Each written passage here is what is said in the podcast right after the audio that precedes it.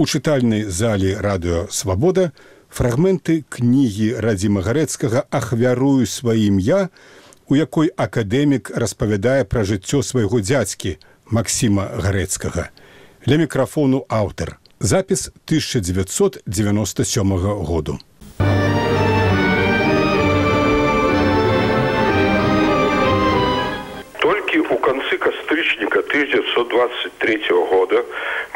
Максиму Гарецкому разом с семьёю з вялікімі цяжкасцямі з'ездзіў варшаву ў савецкае посольство дзеля атрымання права на ўезд у ссср быў зволены з гімназіі як непажаданы элемент. Удалося пераехаць з вільні ў савецкі менск яшчэ амаль паўтары гады жыцця было скамкана зноў у ліпені месяцы 1930 году а менавіта 18 ліпеня амаль у дзень нараджэння сына лёні 15 ліпеня і ў дзень шлюбу с лянілай усціннай чарняўскай 16 ліпеня Масіма гарецкого арыштоўваюць. У гэты ж дзень быў выпісаны ордер і на арышт гаўрылы гарецкого 10 красавіка 1931 года у дзень наражэння гаврылы Максім быў прыгавораны да пяці гадоў высылкі ў вятку затым горад кіраў.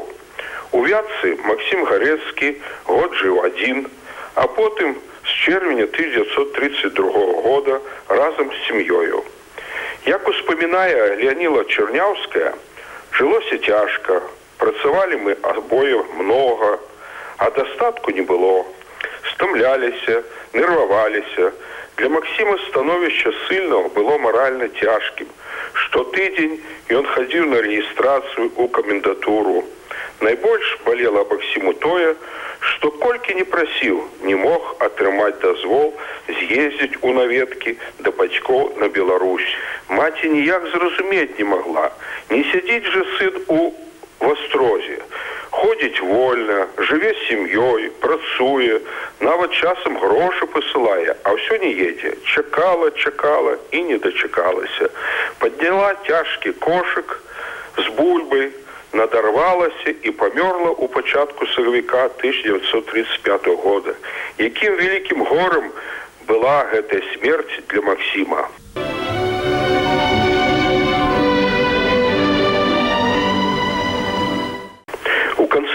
кастрычніка 1937 года чорны ворон забраў гаврылу гарецкого які ў той час працаваў на будаўніцтве беламорска-балтыйскага камбіната ў медвежай гары карелія.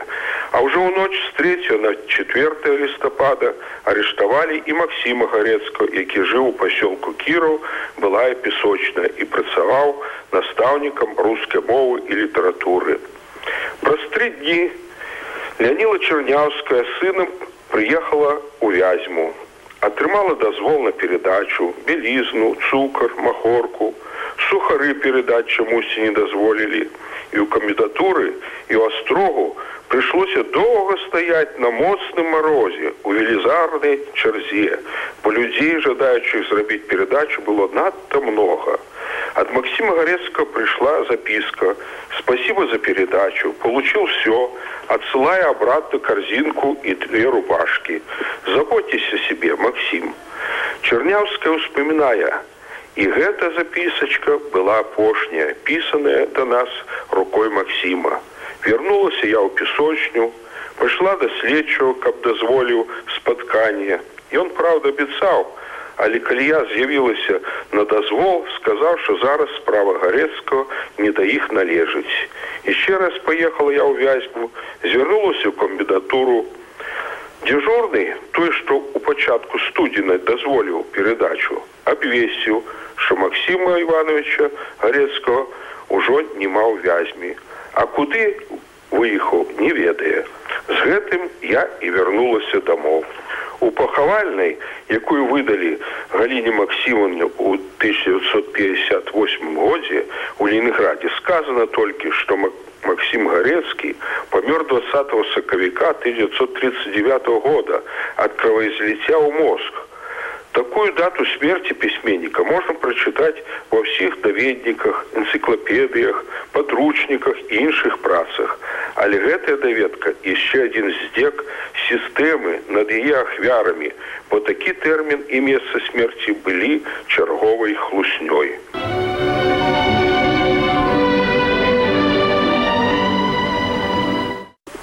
Я меў магчымасць азнаёміцца са справай номер 13036.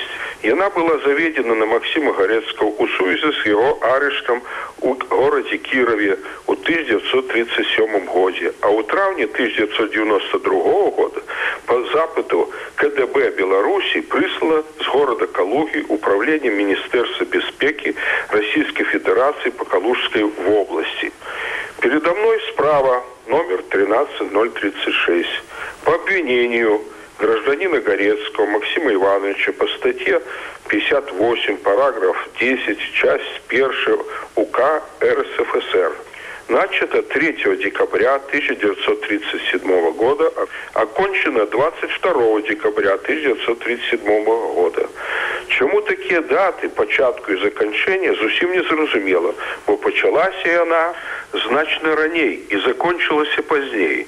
Звычайная папка з кардону, светла-шара-жоўтого колеру, з пяцю нумерамі далейшых архіваў і апошні з іх П9470.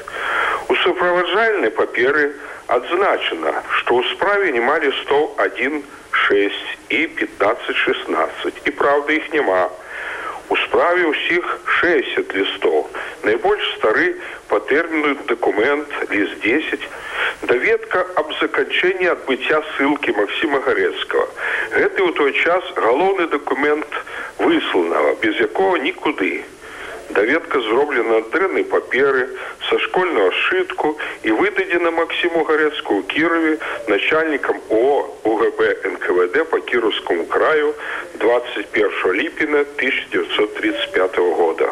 В том, что он отбывал меру социальной защиты в городе Кирове и освобожден 21 июля 1935 года по отбытии меры соцзащиты. Видом на жительство служить не может, при утере не возобновляется. Этим закончилась ссылка у Вятку, где Максим Горецкий спочатку працаваў землекопом, потом чертежником, техником, каштарыснікам, у Вятцы год жыў один, а потом с червня 1932 года разом с семьей, жонка и двое деток, Галя и Леня. Жыццё было цяжкое, Каб прокормить семью приходилось много працаваць и часто брать працу домов, але не займаться литературой он не мог. И аднекуль знаходился час и силы, каб опрацовывать виленских коммунаров, писал русский вариант виленских воспоминаний. Нарэшце ён атрымаў пашпарт. Можна было падацца бліжэй да бацькаўшчыны, бліжэй да межаў Беларусі. Ехаць у мінск шукаць там работы ён не адважыўся.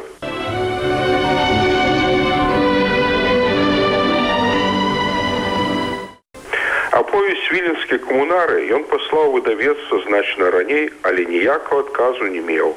У канверце ліст 37 справы ляжыць гэты пашпарт, выдадзены 22 ліпеня 1935 году і сапраўдны на тры гады. Тут же лічная кніжка запаснова рабоча-крестьянской красной армии, где сказано, что Горецкий рядовой род войск артиллерия, должностная квалификация разведчик. Жонка письменника вспоминая, Максим написал мне, как мы рыхтовались до переезду. Я и почала потрошку збірацца. Але як не тое ліха цяжка захварэла на дизентерыю выклікалі телеграмы Масіма у школе его чакалі. Ён забраў с собой лёню. У москве на вяземскі цягнік спазніўся. Заначувалі у владимира ивановича печеты ён і жонка вельмі гасцінна прынялі Масіма зелёнем добра частавалі іх. Акадэмік печета таксама адбываў ссылку у вятцы і сябраваў з Масімам гарецкім незадоўга перед ад'ездам апошняго ему дазволілі пераехаць у москву Улетку 1936 года Максим Гарецкі разам з дачкою наведаў багацькаўку. Галіна Гарецка успамінае: 18 чэрвеня о сёмай гадзіне сонечнай раніцы прыехалі ў Смаленск, пайшлі ў горад, падняўшыся на гару, ішлі пароўны вуліцы, злеву сцяж тротуара зрэдку зялёныя дрэвы насустрач групкамі і по аднаму чырвонаармейцы некаторы мне подмігваюць гэй курносая глянула сарамліва на бацьку а ён ідзе справа побач стройны дужый і усміхаецца у сінім шавіётавым касцюме белой летняй фуражцы вышэй сярэдня росту быў вочы карыя даволі вялікія хоць і глыбокія усмешка прыгожая добрая. 43 гады было ему а мне 15 з багатькаўкі максим гарецкі на один дзень завітаў у мінск. Каб даведацца аб лёсе рукапісу віленскіх камунараў. Але была неделя і ён нікога не пабачыў. Апрача алеся вечара якого выпадкова сустрэў на вуліцы і вярнуўся ў кіру у прыгнечаным настроі галина гарецкая піша 22 ці 23 жніўня 1936 года бацька уже з лёнем зноў прыехаў малую багатькаўку мусіць у тое лета запісаў ён камароўскі парад. Пералік усіх 35 двароў у вёсцы і каротенькія звесткі аб гаспадарах і сем'ях іх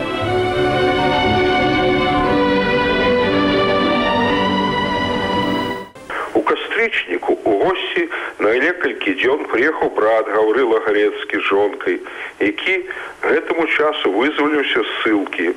Браты не бачыліся больш за шесть гадоў.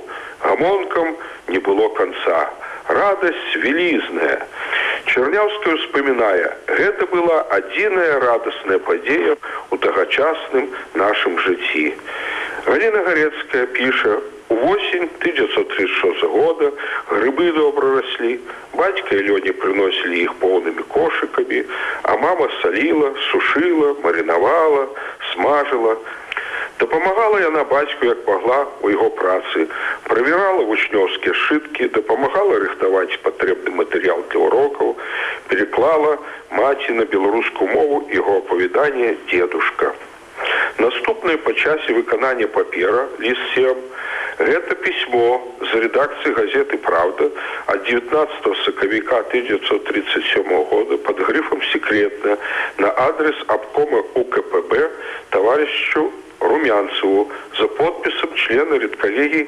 бегавога.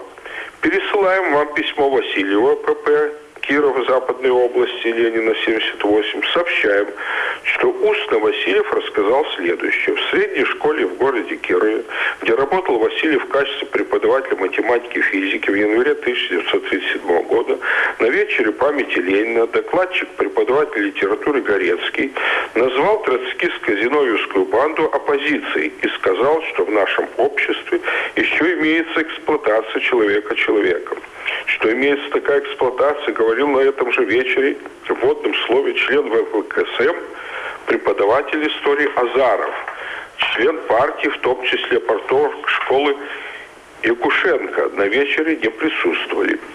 Горецкий сказал еще, что страной руководила оппозиция и только теперь избавилась от этого руководства. Он в прошлом белорусский националист, недавно вернувшийся из ссылки. Ученики в школе делают контрреволюционные надписи. На плакате о вечере памяти Ленина написали «Вход 1 рубль». В 1935 году в школе был случай расстрела портретов вождей из рогатки. Отдел школ обкома, получив сигнал обо всем этом, из правды переслал материал в райком и последний поручил расследовать дело культпропу райкома Савельеву, который одновременно является преподавателем истории в той же школе. Горецкий продолжает работать в школе. С памятки Леонилы Чернявский может доведаться. З'явился новый человек у школе, наставник Васильев. Памятаю, что пришел он до нас, я почастала его чаем, а ён, азіраючы нашу убогую мэблю, запытаўся: « Што, у вас усё канфіскавалі? Відаць, ён чуў аб нейкай рэпрэсіі ў адносінах да Масіма, а так там не вызначаўся.